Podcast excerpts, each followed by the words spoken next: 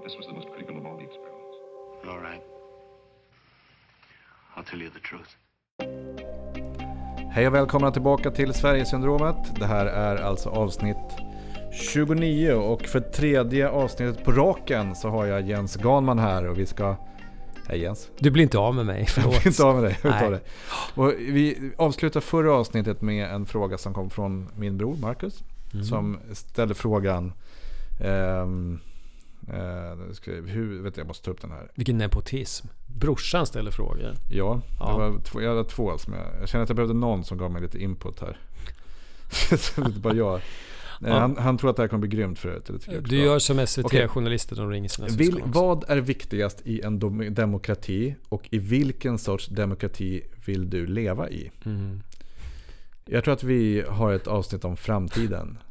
Jag vill leva i en majoritetsdemokrati. Så att, men det, det hände något precis, gjorde Ja. inte det? Vad då hände? Ja, men det, var, det, var, det hände grejer. Nutids, Ja, alltså precis, eh, jo. nutids, eh, eh, Ja, det är en skottlossning i Lindesberg står det här mellan två bilar och så är det någon kvinna som har blivit nedslagen eh, mitt i Falun och liksom, ja men det händer ju grejer i Sverige. Det är landet där allt kan hända som Lars Åbergs bok, eh, tror jag hette den senaste, eller den förra i alla fall. Han kommer med en ny som heter All Inclusive nu. Så, ja, så det är, sån demokrati vill jag inte leva. Nej, men vad, vad, vad är viktigast i en bred fråga, men vad är viktigast i en demokrati? Ja, då, Är, är vi i en demokrati idag? Eh, alltså du vet att Moberg tror jag myntade begreppet demokratur.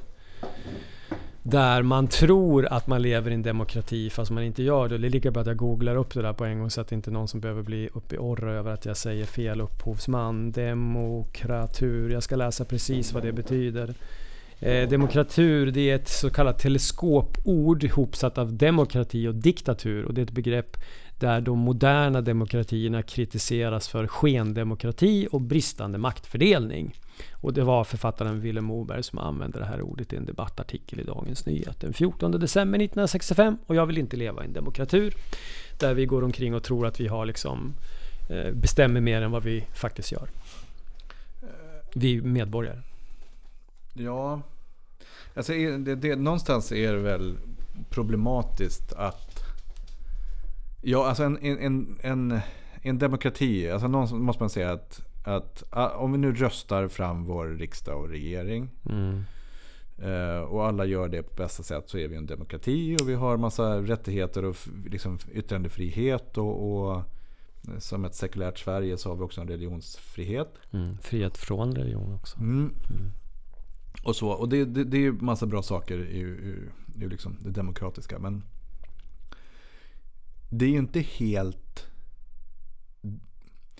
Om jag säger så här. Med tanke på att man inte kan prata fritt om allt utan att bli stämplad I Sverige. i Sverige just nu.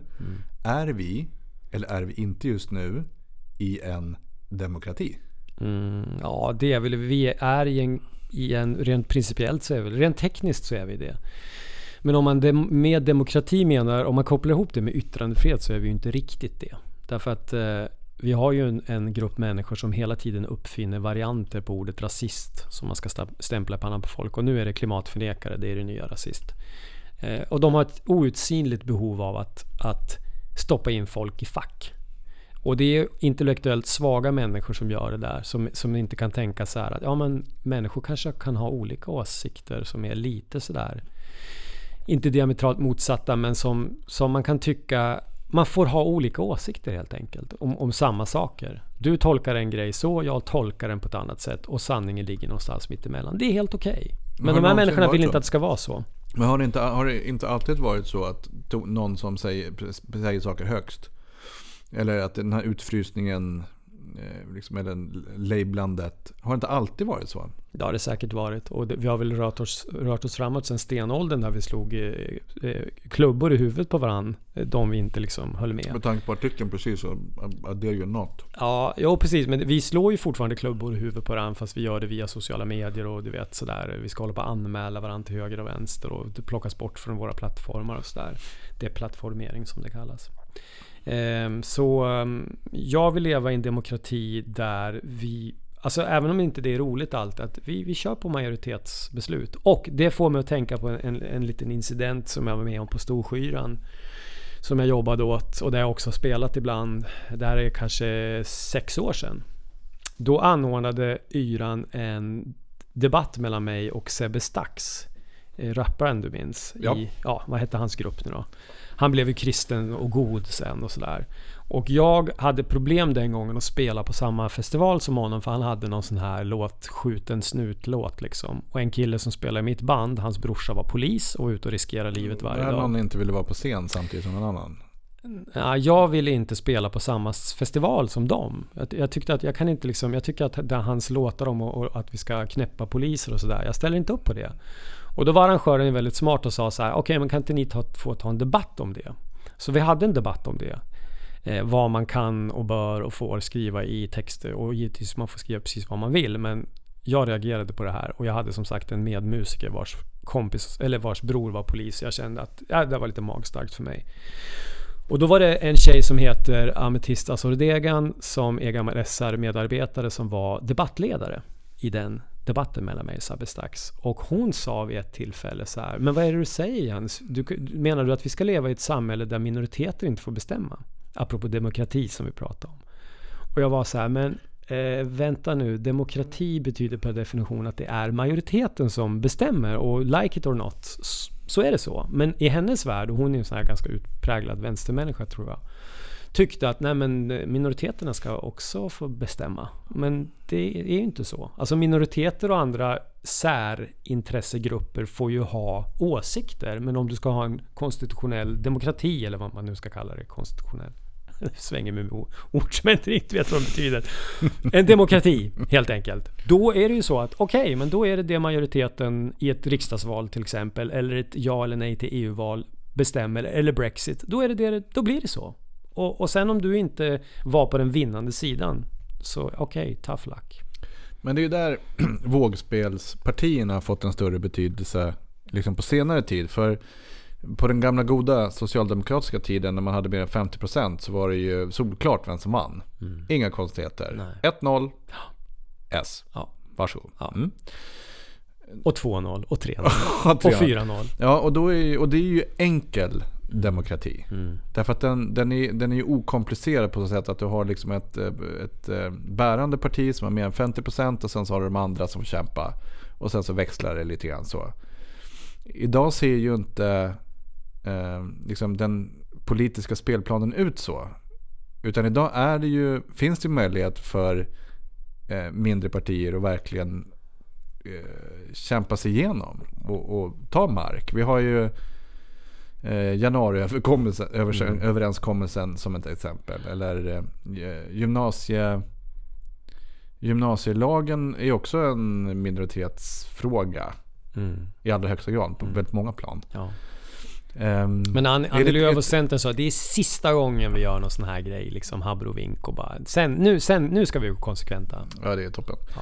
Men, och då är ju, är vi, är vi, jag tänker så här ibland, är vi verkligen redo för liksom, den här komplexare politiska situationen? Kan vi verkligen tackla små partier i vågmästarroller som får igenom så mycket, oproportionerligt mycket politik? Är det, är det demokrati? Eller i vilket tidsperspektiv tittar vi på nu? För om man hovrar lite upp med sin helikopter och ser helikopterperspektivet så är ju ändå den här tidsperioden nu bara en del i en utveckling mot en annan liksom, demokratisk konstellation liksom, i politiken. Så. Där, eh, för alla, alla poler, eller alla krafter har en motkraft. Så. Ehm, men, men jag tror, vi är inte vana. Det, det är ju en kort tid vi har haft det här. Ja. Har du, har du, jag, jag, kan, jag borde ha läst på. ja, men jag tror att det är Men- kopplat till person eh, väldigt mycket. För att Göran Persson, före detta eh, statsministern och eh, partiledaren för Socialdemokraterna. Han hade ju aldrig låtit sig toppridas av Miljöpartiet på det sätt som Löfven har gjort. Utan Göran Persson hade sagt så här. Ni får sitta där borta i hörnet och eh, ni får ta hand om ett departement. Och så får vi se om ni klarar av det, för det är första gången ni har fått liksom, en ministerpost. Löfven han gav Miljöpartiet fem departement, eller i alla fall fem ministerposter. I deras första gången de skulle få vara med i en regering, alltså för förra regeringen. Precis, och lite Ja. sådär. Och, och eh, ja, Persson och no- Palme och några till. Jag tror de hade aldrig försatt sig i den situationen även om de hade varit jätteberoende av Miljöpartiet. Utan det där är kopplat till att Göran Persson han var en buffel socialt. Som hade, så han kunde topprida folk. Han lät ingen topprida honom. Eh, Löfven han verkar vara en mycket svagare ledare som Folk säger att ja, han är så skicklig förhandlare, men en skicklig förhandlare hade ju aldrig gett fem ministerposter till fucking Miljöpartiet. Men, men hur man, om man eh, liksom ser, om vi ser utanför eh, liksom partipolitiken i sak. Mm. Utan liksom om vi tittar på ehm, att vi faktiskt har minoritetspartier som dikterar liksom stora villkor Mm. som koncept här. Ehm, det är inte det, jag, tycker, jag har en känsla av att jag borde läst på det här bättre Mm. också. Men att det, det, det känns inte, jag, jag blir frustrerad när man, eh, om, om ett större parti som inte då får majoritet, man vill, man vill ha regeringsmakten, jag fattar det. Och sen så viker man sig för ett minoritetsparti för att skjuta ifrån ett parti som faktiskt är större. Vilket då? SD menar du? Sverigedemokraterna. Ja. Och, då, ehm, och då tycker jag att det borde man inte... Borde inte demokratin vara att, att man, om, man, om det, man har fått fler röster än andra så ska väl det, oavsett vad man tycker om partiet, Mm. så har ändå folk röstat. Det känns lite grann som om man har glömt bort att det finns någon som har röstat. Ja, Vem, fast- vem gick och la kuvertet i röstlådan på, på Sverigedemokraterna nu? Ja. Liksom, det, man pratar som att det inte finns någon där bakom. Nej, att men- alla är Fast- nazister. ja, men där, det, ja, men det stämmer inte riktigt. För att det är ju så att det är ingen som... Bara för att ett parti har 49% Om de andra partierna tillsammans har 51% och inte vill jobba det parti, med parti, det partiet så är det demokrati. Det kan man aldrig komma och gnälla över och säga att ja, men vi är så himla stora, ta oss på allvar. Utan då kokar det ner till det här, ja, men vad har ni för personer i partiledningen? Är det socialt hitta människor som kan närma sig andra partier och, och liksom ta dem? Och många gnäller ju på de andra partierna nu för att ja, ni måste samarbeta med SD och sådär. Men vi vet ju inte de facto, vi som sitter här liksom nere på golvet. Vi vet ju inte om det beror på att Jimmy Åkesson och de andra runt honom, de kanske är jävligt osmidiga i sitt sätt att hantera det här. De kanske hade kommit mycket längre om de hade varit andra, andra personlighetstyper. Det är bara en spekulation. Det kan vara så, lika gärna Ja. som att de andra mobbar SD. Nu lutar jag åt att tro att de andra partierna aktivt mobbar ut SD av en massa olika skäl. Men man får inte glömma att det kan faktiskt bero på andra saker också. Det kanske, Åkesson kanske inte är så jävla skicklig på att sy ihop deals, såna här backdoor deals. Någon annan kanske hade lyckats bättre med det. Eh, och då, eh, och då återgår jag till att jag har för dålig politisk kunskap. Och förutsätter att fler än jag har det. Eh, och så tänker jag så här. Är inte politik mer komplext än vad man ser på ytan? Händer Jo. inte massa saker Jo. som man inte ser? Som debatt, alltså som diskussionerna nu inte tar hänsyn till. Så är det. För i korridorerna så händer det saker. Och man glömmer lite grann bort att de olika partierna, oavsett vad man är på skalan, faktiskt röstar för och mot varandra varje dag. Mm.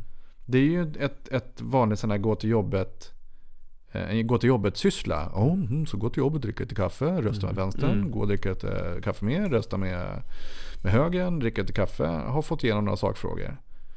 Så är det på, Så här, även på regeringsnivå. Ja, och det, det är ju en naturlig del i politik. Men jag, jag, jag tycker inte att det, liksom, det normala arbetet i politiken ges en chans att få verka utåt. Det känns som om, om man diskuterar fel saker. Jag tycker att, att man måste ta hänsyn till att det faktiskt finns processer som måste skötas. Och en av dem, en annan sak som också får mig att tänka på det här är ju att eh, ta Ta till exempel att eh, kronprinsessan var precis i, eh, i eh, utomlands och så var hon i en moské och så hade hon sjal Mm. på sig. Eh, och så blir det debatt för och emot såklart. Det var förväntat antar jag. Ehm, och samma sak gäller politiker som har varit och tagit på sig liksom sjal. Iran till exempel. Iran, ja. Och då tänker jag så här, fine. Man, man kan tycka att alla måste göra ett statement hela tiden. Mm. Och då, då undrar jag så här, hur många som kastar sig in i feminist och jämställdhetsdebatten vet hur diplomatiska protokoll funkar i praktiken globalt utanför Sverige? Hur många förstår implikationerna av felsteg på en, diploma, en hög diplomatisk nivå och vad det kan leda till? Ytterst få skulle jag säga. Ytterst få. Ja. Och då, då tycker jag att det är... Alltså det blir, man, man landar fel i diskussionerna. För utan de här hänsynen. Jag förstår att man kan driva opinion och man kan liksom eh, prata om eh, liksom, ämnen man brinner i bröstet för. Men den stora diskussionen måste ändå ske mot bakgrund av att det finns eh, protokoll Mm. som finns utanför Sverige. För lyfter man blicken lite på riksplanet. Ja. De är inte helt inkompetenta där. Nej. De gör massa saker. Ja. De framstår inte som spetskompetenta. Men någonting händer. Men är alla är inte, inte det. Det finns dåliga politiker också. Det finns massa dåliga politiker också. Men, men jag tycker ändå att, att det saknas utbildning. Jag tycker att gemene man, mannen och kvinnan på gatan, Ja. Eh, borde ta med fler sådana här saker i beaktande innan man skjuter loss i diskussioner. Mm. Därför att det kanske inte alltid främjar en diskussion. Det var någon, någon kom hit nu och vägrade ta i hand. Jag kommer inte ihåg vem. Mm. Skitsamma. Mm. Eh, för jag är trött och äter för dåligt nu och vi har hållit på länge. Men Ja. då, och då tycker jag att någonstans i det så måste man ta i beaktande att om det är ett internationellt högstatus diplomatiskt uppdrag att föra en dialog mellan två parter och man har tagit in dem i Sverige. Mm. Är det bra eller dåligt att förolämpa dem det första man gör för diskussionerna? Ja men du, nu ska vi gå tillbaka till 1972. När Olof Palme höll sitt jultal om bombningarna i Hanoi. Och när han demonstrerade med Nordvietnams ambassadör och retade gallfeber på Richard Nixon. Då ska man komma ihåg att på den tiden så var Amerika, USA var en ganska stor handelspartner för, för Sverige. Och när, näringslivet var ju så här, men vad fan gör han? Är han galen?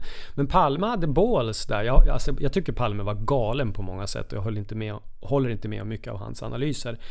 Men han hade modet att i vissa lägen säga så här, ja men nu struntar jag i liksom Protokollet. protokollet och nu går jag med i den här demonstrationen. Eller nu pratar jag om diktaturens kreatur. Eller nu, nu pekar jag ut det här hyckleriet i andra länder. Det var inte alla som var förtjusta i att han gjorde det. Jag skulle önska att en sån som Löfven kanske sa så här, ja det här kommer kosta fläsk och näringslivet kommer bli förbannade. Men vi åker inte till Iran och underkastar oss. Vi kan inte åka dit med feministisk, ut, med Sverige som de kallar det själva, Sveriges första ut, eh, feministiska regering. Och sätta på oss hijab och stå på, på led med händerna i kors som Ann Det ser märkligt ut. det ser oerhört märkligt ut och fullständigt ryggradslöst. Det hade varit mycket fränare om de hade sagt så här, nej men vi kommer inte. Och då hade Iran varit så här, men vänta vi vill också ha den här dealen väldigt mycket så att vi kanske kan anpassa oss. Det får man aldrig veta om man inte någon gång testar Ja, gränserna. du måste ju utmana. Och, och Det vad gjorde Palme hela tiden. Vad, vad, vad, vad går gränsen då mot att man ändå måste, behöver, eller behöver, behöver, att det finns protokoll och regelverk på liksom internationella plan som, som är speciella. För det är väldigt speciella miljöer. Ja. Men att också liksom plocka fram ballarna och stå för sin sak. Eh, ja. För det, det, det, måste, det, det är ju en hårfin gräns här. Du kan ju inte liksom dra det kortet varje gång. Då blir det ju en obstruerande, man får välja sina tillfällen. statsman. Ja, man får välja sina tillfällen. Kan Pal- man välja- sina tillfällen idag? Det är, än en gång, det är kopplat till person. En sån som Palme, han, det var ju zero fucks given. Att USA kallade hem sin ambassadör William Heath den där gången och det blev en nästan internationell incident. Och Richard Nixon gick och svor i Vita rummet, i ovala rummet, i Vita huset, framför Kissinger och pratade om Palme som that Swedish asshole. Alltså det var ju på en väldigt hög nivå.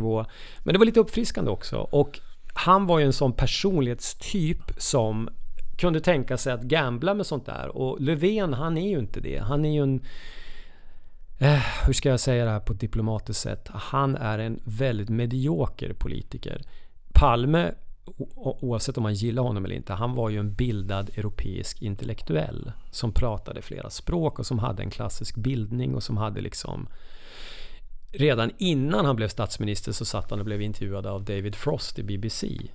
Eh, på en väldigt hög nivå. Filosofiska samtal. Och då... Det här På är- engelska. På engelska Vilket dessutom. imponerade då redan idag. Ja, det var det. Idag hade det imponerat mer än det kanske gjorde då. Faktiskt. Men det borde vara tvärtom. Det borde vara tvärtom. Och en grej som är intressant med den här Frost-intervjun som jag uppmanar alla som är intresserade av svensk politisk historia att titta på, för den ligger på YouTube. Där säger, då säger David Frost så här till, till Palme då, som är i 30-årsåldern. Det här är väl gjord 67 eller 68 tror jag. Är det någonting du ångrar i ditt politiska värv? Och redan då, då säger Palme så här, det här är innan han har blivit statsminister. Ja, säger han, jag ångrar att jag trodde att det var en bra eh, utrikespolitik, eller vad man ska kalla det, att ta fattiga behövande människor till Sverige. Vi borde istället utbilda dem och hjälpa dem i närområdena. Eh, Klassiska bevingade ord från 2015. Ja, eh, Jimmy Åkesson, Hans Rosling sedermera också. Det här hade Palme räknat ut redan då. Eh, och alla som har följt hans politiska bana vet att han var väldigt orolig över vart invandringen var på väg redan på 80-talet och det där finns redovisat i, i plågsam detalj i Anna-Greta Leijons självbiografi. Och då kommer vi tillbaka till det du frågade om för en stund sedan. Det här med det dagliga politiska värvet och att det inte är så jävla lätt att vara politiker. Helt sant. Vill man lära sig hur det funkar, då ska man läsa såna här böcker som hennes självbiografi eller för all del Reinfeldts och Annie Lööfs självbiografier eller politiska självbiografier eller Kjell-Olof Feldts Alla dessa dagar eller Eva Frankells bok om Anna Lind. Eva Frankell var ju med eh, när Anna Lind blev mördad inne på NK.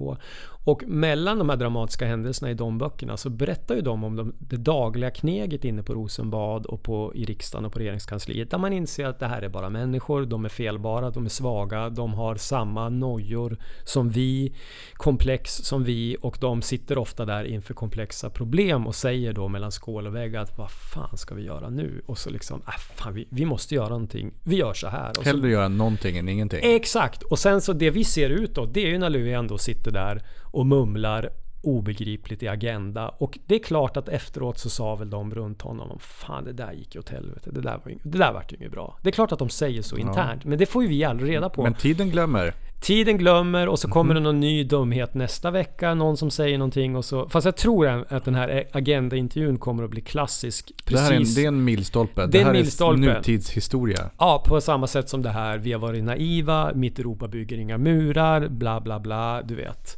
Eh, och tyvärr så blir nog Löfvens eftermäle, politiska eftermäle, så är det nog runt de här tokuttalandena som mycket kommer liksom centreras och handlas om i historieskrivningen. Vad han var för slags statsminister. Men, men vi måste ändå, vi, vi måste in i framtiden nu. Ja. Någonstans här. Vad, eh, för vi har, eh, det finns problem. Det, det, är uppenbart. Vi har liksom en ökad eh, gängkriminalitet. Segregation. Vi har segregation. Vi har eh, problem med köer i sjukvården och liksom, eh, till och med sjukvårdsmaterial. Bristfälliga upphandlingar. Eh, vi har eh, liksom, eh, på upplandningssidan så är Förbifart Stockholm dessutom nu så dåligt upphandlad så den fördröjs och blir superdyr. Mm. Arbetsförmedlingen, nedläggningshaveriet. Ja, och det, det, det är mycket som händer nu och folk, mannen på gatan och kvinnan ute i, eller alla ute i stugorna nu. Det, det, det märks, och inte minst i, i Sverigedemokraternas senaste mätningar, att det är någon typ av rörelse. Jag hade trott att den skulle komma tidigare, redan till förra valet. Det kanske är det som kommer nu. Och det att, att den här oron börjar bli mer förankrad. Mm. Och det måste ju det måste ju vändas. Vi måste ju från att känna att det blir jobbigare och jobbigare hitta någonting som blir mer positivt. Mm. Och vi har haft en lång högkonjunktur. Och nu är vi på väg in i en lågkonjunktur troligtvis. För att alla pratar om det. Ja, och vi har låga räntor och liksom massa saker. Jag, jag, tror att jag, du har varit med om höga bostadsräntor kanske. Eh, jag har varit med uppe på vände på 6% liksom på, på miljonlån. Och många som har köpt hus och lägenheter nu de sista åren har ingen aning om att låna pengar kostar pengar. Liksom, vi står inför massa utmaningar. Nej, problem, inte problem utmaningar. Nu. Problem. Okay, ja, jag vet att det är en till utmaning där. Ja, vi har en del problem som måste lösas, som måste hanteras eh, för vad de är. Så, och just nu så känns det ju inte hundraprocentigt att vi har någon vid rodret som kan göra det. Varken på regeringssidan eller på eh, oppositionssidan. Nej, definitivt För jag tror inte att Sverigedemokraterna är fit att liksom ta en regering i hamn. Och jag är lite oklar på om Moderaterna skulle kunna hålla flaggan. Eh, Kristdemokraterna kämpar ändå hårt. Ja. Eh, Löfven med bakgrund av den klassiska milstolpen har ju lite att tänka på. Mm. vänstern kämpar på rätt bra. Mycket skälla, lite bita i och för sig. Och sen har vi några andra partier i mitten där som, som gör grejer. När du säger Oklart. vänstern, då menar du VPK? Bara så att jag är tydlig med vad det är. Du pratar inte om den svenska vänstern, utan du pratar om Vänsterpartiet alias VPK. Eh, jag håller mig till Vänsterpartiet, men, Ja, men vi pratar okej. ju om samma, samma parti. Jag kallar dem alltid VPK, Ja. för de är kommunister och det är inget att skämmas för om man är det. Ja, men jag håller mig till deras, till deras, eh, till deras namn de har. Deras falska skyddat. marknadsföring, ja. Och sen har vi ju eh, Liberalerna och Centern i mitten som, Mm. som också... Du menar de socialdemokratiska lydpartierna, ja. ja. Något åt det hållet kanske. Eh, jag försöker hålla mig neutral här. Det är så svårt. Ah, jag uppskattar Nej men det. ändå om man tittar på eh, vad, vad man har fått för kort att spela så hade jag nog förväntat mig att eh, vi hade en ny partiledare i Liberalerna. Som ändå vann kampen om partiledarposten för att tuffare tag var på agendan. Ja, Och så blev det inte så direkt. det blev ingen Sabuni-effekt direkt. Nej, det vart ingen Sabuni-effekt. Och säga vad man vill om Centern, Annie Lööf, men man får ju vad man förväntar sig. Får man inte det? Ja, du menar de som röstar på Centern får nog vad de förväntar sig. Tror jag. Men de Jo, jo, men borgerliga... inte- de som, om du inte ja, men röstar vänta på nu. Centern. De borgerliga väl, väljare, inklusive Kristersson, som gick till val och trodde att det fanns en allians. Jaha. De fick ju verkligen inte vad de Ja, röstade nej, men på. den är, den, nu är det jag med på att om du verkligen aktivt om du aktivt vill ha en allians, alltså Moderaterna, då, då måste, röstar du på dem. Ja. Du röstar ju inte, men jag röstar inte på Centern för att alliansen ska hålla ihop. Det, det känns ologiskt för mig. Jag tror att det fanns många röstare inom alla de fyra borgerliga partierna som röstade på Alliansen. Sen att de la sin röst på, på KD eller C, för de trodde ju naivt då att ja, men det, det är klart Ja. att de kommer att ta chansen och, och regera om de får den. För Och det, alla partier har väl som högsta syfte att regera, det är väl därför de är där. Ja, men du måste ju också kunna läsa andra människor och det Kristersson uppenbarligen inte kunde läsa in i Annie Lööf, det är att hon är en inpiskad lögnare. Eller lögnerska jag, jag, kanske heter. jag, försöker, försöker, jag kämpar Nej men du, för att det hålla... är inte du som säger det Mattias, det är jag som säger det. Ja, men jag, Det jag menar är att vi, det, det jag vill föra in här, det är liksom vad, vad är vägen ut härifrån? Ta den situationen vi har nu. ja. Hur fan löser Sverige, vi det? för Sverige. För Sverige, för landet Sverige. Vi har nyanlända människor här. Vi kommer ha en ström av, av anhöriginvandring. Vi Mm. har svenskar i olika generationers längd. Vi har gamla och unga och arbetslösa. Liksom, vi har en situation här. Den måste hanteras. Mm. Houston, we have a problem. Ja, och hanterar vi inte det så blir det ännu mer problem. Ja. Så vad, vad, eh, vad är det vi behöver? Vad, hur, hur löser man det här? Istället för att säga att människor inte löser det här. Hur löser vi det då? Ja, okej. Och då tror du att jag, det jag säger på något sätt har någon bäring på verkligheten eller?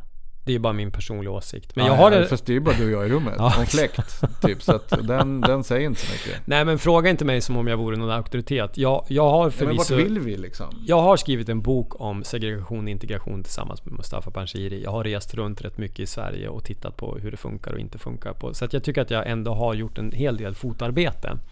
Och träffat många människor i framförallt så kallade problemområden. Så att jag baserar ju mina åsikter på det. Och du gör det på grund på att du har jobbat i flera år med att starta asylboenden och har träffat hundratals om inte tusentals flyktingar och pratat med dem och tagit Och deras lokala människor Och- och- av olika partitillhörigheter där ute och journalister och. Journalister. Ja, mm. och jag själv har frilansat åt public service sedan 89. Så att jag tycker att jag har ganska god insyn i hur det fungerar i det svenska samhället.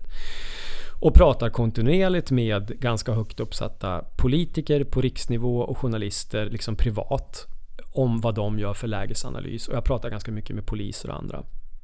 Så baserat på det, det är bara min, mitt ödmjuka Jag tycker det var sätt. en lång källhänvisning där innan Ja. det kom en sak här. Det blir Ja. svårt att skriva ner. Men, Nej, ja. men det finns de som tycker men att jag är... viktig. Ja, men det, det, fin- det är, den är viktig. Jag säger, jag säger det här inte för att, för att bygga upp mig själv till någonting stort utan bara för att, för att motsäga bilden som finns hos vissa av mig att jag är någon random Ja men du gör ju bara dina jävla pajdiagram och sådär. True, det gör jag också. Men jag har faktiskt, jag kan underbygga mina argument när det gäller mycket. Och det första som vi måste göra för att kunna ta något slags stadigt steg in i framtiden det är ju att bli av med den här exceptionellt skadliga regeringen som vi har. Och det får vi vänta till nästa val. Jag är dock rädd, ganska övertygad om att Socialdemokraterna kommer att regera vidare. Det är vi som väljer. Det är väljarna som Ja, väljer. men nej, det spelar ingen roll för att jag är övertygad om att de borgerliga partierna på något sätt kommer att rädda kvar eh, Förmodligen Löfven. Jag skulle inte bli förvånad om Löfven sitter kvar över nästa val och i fyra år till. Och det där har att göra med att, att i socialdemokratins DNA, det finns i deras DNA att regera och ha makten. För det har de haft i mer eller mindre de senaste hundra åren. Borgarna de är mer så här, ja men vi kan väl regera om ingen annan vill göra det. Sådär. Eh, så inget skulle förvåna mig mindre än om att KD och M tvärvänder under eh, galgen nästa val och säger ja men vi kan inte släppa fram SD på något sätt i någon stödposition eller på något sätt överhuvudtaget. Så det är bättre att Löfven får era vidare. Och då skulle många säga att ja, we're fucked. Men det är vi redan. Men För den här regeringen vi har säga nu... nu. Alltså det är nu vi ser dem. Väljarna måste ju baserat på det de ser idag Ja, välja vad de väljer på. Ja. Så att det är ändå i demokratins goda namn Så så, det. måste ju ändå ansvaret ligga hos folket att se till att det exakt, blir en jag roderändring. Motsäger inte det. Du har helt rätt Så i det. tror man, om, man- om, om en väljare då tänker att ja, men det här Socialdemokraterna behöver andrum för att bli sitt goda jag igen. Ja. Eh, så, och en rekorderlig förlust för att samla krafterna. Mm. Och Vänsterpartiet, Ja, deras GIMP. jag tror det skulle komma med kommunisterna där. Ja, Jag VPK, gav ju ja. till och med en, VPK, en konstpaus för att sticka där. De, de, kom, de kämpar på, de har sin, sin, sina väljare Mm. och sen så har vi ju Moderaterna och Sverigedemokraterna och, och Kristdemokraterna. Mm. Liksom, vi har en förflyttning till någonstans där. Sverigedemokraterna suger ju uppenbart upp en del socialdemokrater har vi sett nu. En del, ja. Ja. Jo, väldigt många. Så människor gör ju sitt val nu. Ja, men det spelar ingen roll. Därför att de här människorna som, som sitter vid makten nu, de kommer att på något sätt sitta kvar. Och den politik som förs kommer i, i, i största, till största del att fortsätta föras efter nästa val. Jag är helt övertygad om det. Något annat Okej, vore så- helt sensationellt. Så politiskt sett så är vi screwed. För jag tror ändå att, att det... eh, För det finns en annan fråga att tackla här och det är ju diskussionsklimatet. Ja. Att man måste kunna våga säga vad man tror och tycker om saker och ting. Mm. Utan att bli paria totalt. ja. Eh, Man måste kunna diskutera och samtala. Eh, Därav min fascination av Hur kan vi? För att det är, eh, jag tycker att det är en förebild i att våga diskutera. Man måste inte hålla med varandra. Vi, jag, jag, jag tror att vi måste komma ditåt. Människor måste våga diskutera utan att vara så ängsliga. Att man ska bli... Alltså amerikaner är... De, de amerikaner jag träffar, jag träffar inte många amerikaner, men de jag träffar, de, har, de vågar ändå säga vad de tycker. På gott och ont. Och sen så är det inte så mycket mer. Jag har sagt vad jag tycker, du tycker annorlunda, så whatever. ja. Så är det inte i Sverige. Så är det inte här. Och det är, jag tror att det här är en förändring som måste ske. Mm. Men jag kan inte riktigt se... Eh, det är en svår skuta att vända också. Ja. Men samtalet måste förändras. Men tror inte du att det blir så här, när folk ser att ah, okej, okay, man kanske får säga vad man vill eller lite mer eller mindre än hur det var för några år sedan. Men det spelar ingen roll vad jag säger därför att politiker kommer ändå efter nästa val att sy ihop något missfoster, något Frankensteins monster missfoster som då kommer heta inte Jöken utan det heter väl något annat den gången. Jag får se vilken månad det blir. Ja precis, vilken månad det sker ja. Och så ska det där missfostret ragla fram med en nyliberal fot Om det och blir mars en så blir det möken. Ja, möken. Ja. Och en socialdemokratiskt ben och en centerpartistisk arm och, och eh, vad det nu andra armen är sådär. Alla drar åt olika håll. Och så blir det bara pannkaka.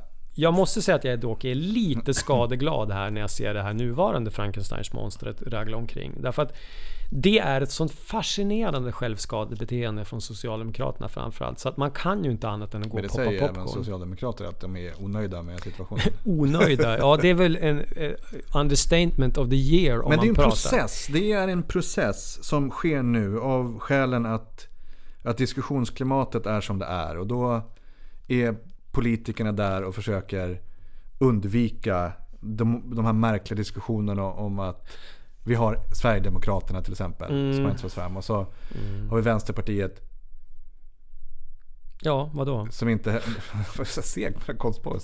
Som inte heller eh, liksom, som också är ett ytterkantsparti. Alltså V- VPK de är ju i, i, i legenden om Dr. Frankenstein i vissa av de här filmatiseringarna så, så besökte de kyrkogården för att gräva upp liket och, by, och bygga sitt monster. Och då har ju eh, Dr. Frankenstein har ju en assistent som heter Igor som han skickar iväg. Igor, fetch me a brain. Alltså en färsk hjärna som de kan stoppa in i den här kroppen de har snott. Och, det är ju VPK, det är deras roll till Socialdemokraterna. De är ju deras Igor som ska springa iväg till kyrkogården och gräva upp en hjärna. Eh, och hela den där konstruktionen med Miljöpartiet och VPK som stödpartier, två stödhjul åt den här mer vo starkt wobblande Stefan Löfven uppe på sin en, enhjuling. Men folk ser ju det här. Inte enhörning, enhjuling. Folk, folk ser det här Ja men det spelar ingen Då roll. måste man ju vilja Det spelar ändra roll. riktning på Nej. det. Man har ju sin valsedel för Ja, men att det det, inte ingen ska ske. Ja, det Folket måste ju tala. Det är exakt det, Det du sa demokrati. nu. Exakt det du sa nu. Det hade vi kunnat sitta och säga innan förra valet förra hösten. Och varit tvärsäkra på att men nu blir det väl ändå förändring. Och så går det några månader och så bara, nej men titta där. Kristersson fintades bort totalt av Annie Lööf. Hon visste hela tiden att hon inte tänkte gå till, någon, gå till val eller bilda någon Men de alliansregering. kan inte gå till val på alliansen igen. Alltså det är tekniskt Nej, omöjligt. Den ja, är stendöd. Men Jag- bara, bara död. för att det är tekniskt omöjligt så är det ingenting som säger att de inte kommer försöka göra det i alla fall. Lööf kommer vakna till här något år innan valet och bara vänta nu, ska jag gå till val som ett socialistiskt st- stödparti? Det går ju inte. Och så ska hon lura i väljarna att nej men nu går vi till val som en oppositions, eh, Men de är ju, de är ju en, en liberal motor.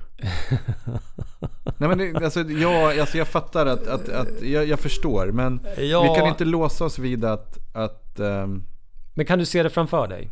Vad ska de här partierna gå till val på? Exakt. S och Centern framförallt. Nästa val. När Vi- det inträffar. vi är inte naiva längre.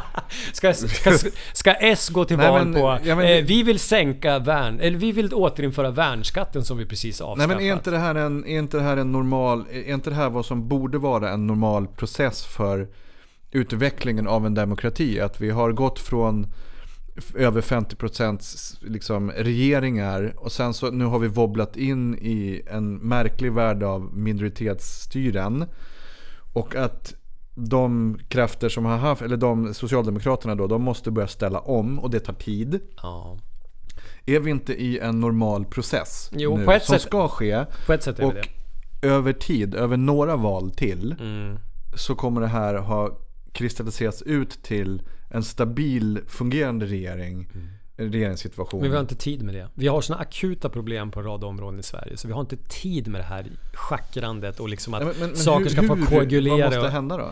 Det som måste hända, som jag sa, det är att den här skadliga, skadliga regeringen som vi har nu måste bort. Och sen måste flera av partierna byta ut sina partiledare. Och det är säkert processer på gång i flera av partierna att, att göra Men det kommer nu, det är två år kvar. Löfven sa så sent som i förrgår att han sitter kvar hela mandatperioden och det skulle inte förvåna mig om han gör det. Eh, Jag tror också Moderaterna är så dumma så att de tänker gå till val med Kristersson som partiledare. Ehm, Han bad om ursäkt så att han har väl... jo, nej men det, det, är ju, det är ju strategiskt. Ja. Oerhört strategiskt. Det Ja. var ju en... Det var det. Det var ju otroligt väl valt och jag undrar om inte de har haft det där legat färdigskrivet. Och väntat på ett väntat på tillfälle. en riktig vägkörning från Löfven. Jo, och den kom ju med Agenda-intervjun här för några veckor sedan. Och, den, och det, är en, det är därför vi kommer tillbaka till den, för det är en milstolpe. Det är en milstolpe på så många Och- sätt. Men jag tror ändå att samtalet, alltså diskussionerna och vad som är eh, vad man, vad man får prata om och inte prata om. Och den här eh, känslan av att man inte får tycka vissa saker som hämmar demokratin. Därför att det är en hem, man hämmas. Demokrati är att man, man ska få tycka och tänka eh, liksom, saker. Man måste inte alltid säga det i ansiktet på någon. Man ska inte förolämpa människor onödan. Man, man måste vara lite smidig. Men man måste ändå i grund få tycka saker. Och då skulle någon kunna sagt här, ja, du, får tycka, du får alltså tycka att eh, förintelsen är bra. Nej, det är inte det jag säger. Nej.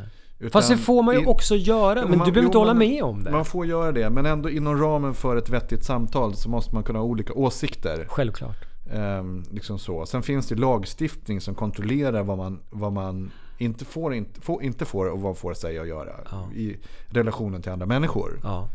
Och det är en lagstiftning som finns där av anledning. Så, men det är ju inte den som styr samtalet idag. Utan det är ju rädslan, att det finns en rädsla av att, du, du sa det själv det för någon timme sedan, eller för lyssnarna för typ två avsnitt sedan. Att folk inte vågar, de kom fram till det så vågar de inte applådera. När de har hört mig prata offentligt. Ja, exakt. Ja, ja, de Ja. kommer efteråt och säger jag håller med om allting men jag vågar inte applådera åt det. Och det säger. är, ju, det är ju det, är det som måste ändras. Ja. Om vi inte förändrar det, Mm. att man inte vågar applådera när man håller med.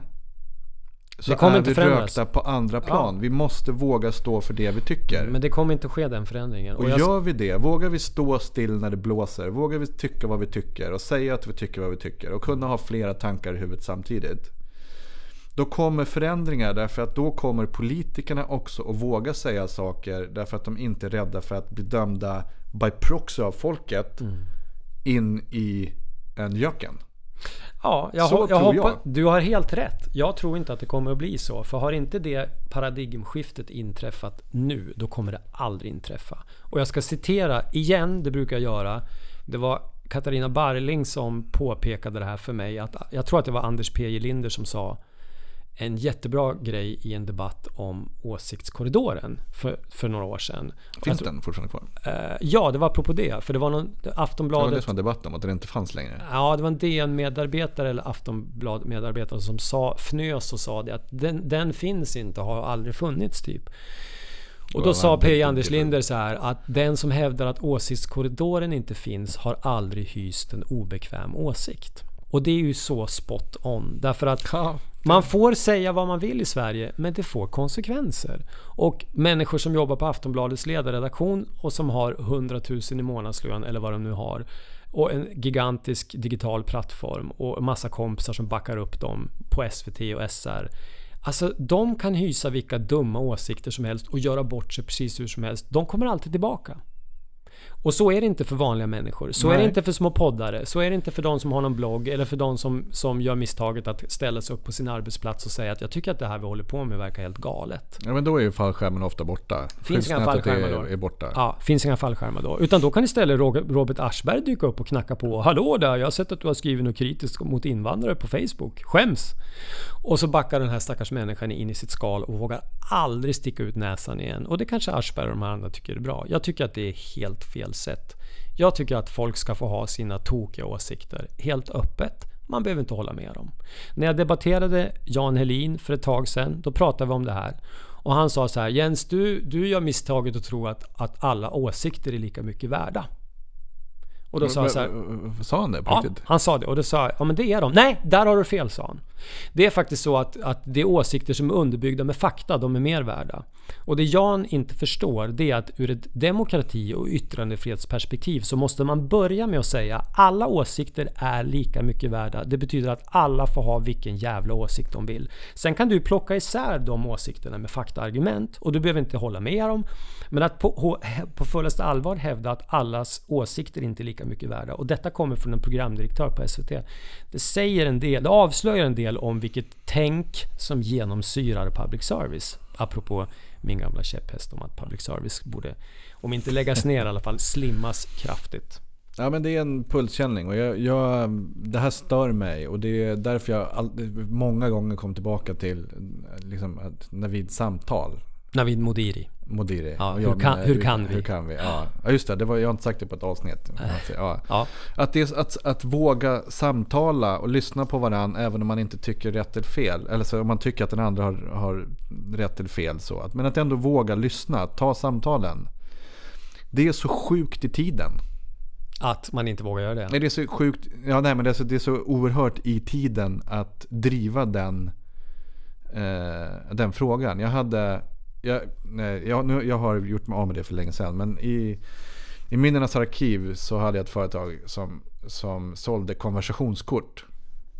För att få människor att konversera med varandra. Mhm. Vi sålde tusentals i tre versioner. Okej. Sen så var det massa saker som havererade och sen så var det hej och hå och sen så... så ja, Som något partytrick eller vadå? Ja, men ask med konversationskort med frågor så kunde man ställa dem till varann och så kunde man prata med varann. För att starta konversationer. Ja. För att samtala. Ja, hej, röstar du på SD? Hej då. Ja, de fanns väl i och för sig då, men jag var inte inblandad. Ja, men i, i princip. Fast Ja. frågan kanske hade varit ställd lite annorlunda. Ja. Så, så att, och jag, jag är övertygad om att samtalet, vi måste ha de här samtalen. Man måste, men det kan inte bara vara i en podd. Nej, Det absolut måste inte. ske överallt. Det måste ske ute på företagen, det måste ske hemma vid köksbordet, det måste Ja. ske på alla platser.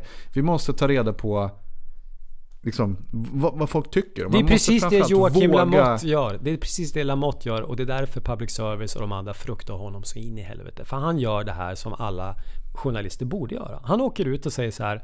Hallå, här står du. Ha, här, det blev en som blev skjuten här igår utanför din Konsumbutik. Vad tycker du om det? Och så säger tanterna och gubbarna så här. Ja, det är fruktansvärt. Jaha, okej. Vilket är fullt naturlig Ja, reaktion på skottlossning för ja, och så de har eldat upp massa bilar här. Hur känns det? Så här, och man kan tycka när man lyssnar på honom att han låter lite enfaldig och det är liksom så här samma fråga. Man har ju sin, han har ju sin vinkel och hans lyssnare vill ha det så. så Han, det är ja, ja, men han, är det, är, det är inga konstigheter och det han gör är ett sånt jävla hot mot framförallt SVT och SR. För innan de får tummen ur röven och åker ut någon annanstans än att gå ut och intervjua någon tant vid fältöversten på Östermalm. Innan de får tummen ur och ska åka ut och göra i landet sådär, åka på safari upp till Norrland och liksom fråga vad tänker norrlänningarna som de kanske gör någon gång per år. Då föregås den lilla exkursionen av flera möten inne på redaktionen där 8, 10, 12, 14, 16, 22 personer ska sitta och liksom "Åh, Vi kanske skulle åka till Kramfors och kolla vad som Vad händer de där. dagarna egentligen? Ja men alltså för det har ju tydligen skjutits ihjäl eh, en massa människor och det har exploderat av sig själv. Någonting i Kramfors. Vi kanske borde åka till Kramfors och så är det någon som bara Men vänta kolla! Lamotte är redan där och sänder live från Kramfors med sin iPhone. Fuck! Eh, kan det här bero på att han slog oss att vi har för lite resurser? Vi måste ha mer pengar. Och nu, nu tror folk att jag raljerar. Men jag gör inte det. det jag jag beskriver är, det är så, sanningen. men- det, det är så här. Jag har själv jobbat på de här redaktionerna till och från och jag vet att det går till så här. Och folk tror att men du överdriver. Ja visst, lite grann kanske i ordvalen.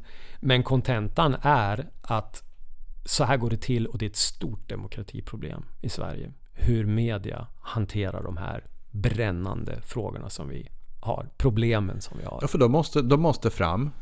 Och sen så måste för om man inte frågar den äldre damen Om du inte som vågar är, fråga henne. är rädd för sin skottlossning. Ja, Då får hon inte heller berätta att hon är rädd. nej. Och hon får inte söka svar på de komplicerade frågorna som det innebär att diskutera gängkriminalitet kanske. Eller Så röstar skottlossningar. på SD i protest. Ja, precis. Nazist. Ja. Ja, och det, och det man måste, vi måste, jag, jag, jag tror att för att demokratin ska funka i framtiden så måste alla våga få ställa ut sina rädslor. Ja, ja, visst. Så man kan diskutera dem. Ja, och de måste få våga göra det. Fritt. Och, och, och kanske ibland formulera sig klumpigt och säga saker eller skriva saker på Facebook som är avtändande och kanske felaktiga och kanske helt fel formulerade. Utan att Robert Aschberg eller någon från Expressen dyker upp och knackar på och bara "Ha! Du har skrivit eh, n-ordet eller vad det nu kan vara på Facebook. Alltså vi kan inte ha vi kan inte ha en journalistkår som beter sig så. Utan de ska vända sina svärd uppåt. Mot makten, mot generaldirektörerna, mot statsministern. Och ta mot, tag i stora frågor Ja, som, som givetvis. kommer neråt också. Givetvis. Såklart. Men det är skillnad att ta en, en detalj och ett beteende. Ja, Eller liksom en situation och en trend. ja. Man kanske får diskutera trenden och inte, inte de enskilda sakerna. För det är trenden som sker förändring. ja visst, alltså de får väl jaga vanliga människor till världens ände om de vill det. Men det är ju så patetiskt att de håller på på det här sättet. Det är ett Stasi-beteende. Det är ett Stasi-beteende av svensk media. Och då blir folk så här, men nu låter du som en rättshaverist. Och, "Åh, det där är sån här höger populistisk retorik att kalla journalister för Stasi. Ja, det får väl vara det då. Men jag har sett tillräckligt mycket av det här och jag har hört många journalistkollegor prata om så kallat vanliga människor som om de vore en fårskock som ska drivas framåt med elektriska kofösare och att man ska uppfostra dem och de, ja men om vi säger det så kanske de tycker fel. Alltså vi måste ju lyssna nu. Tiden för att lyssna på människor är Har nu. passerat, det är för sent.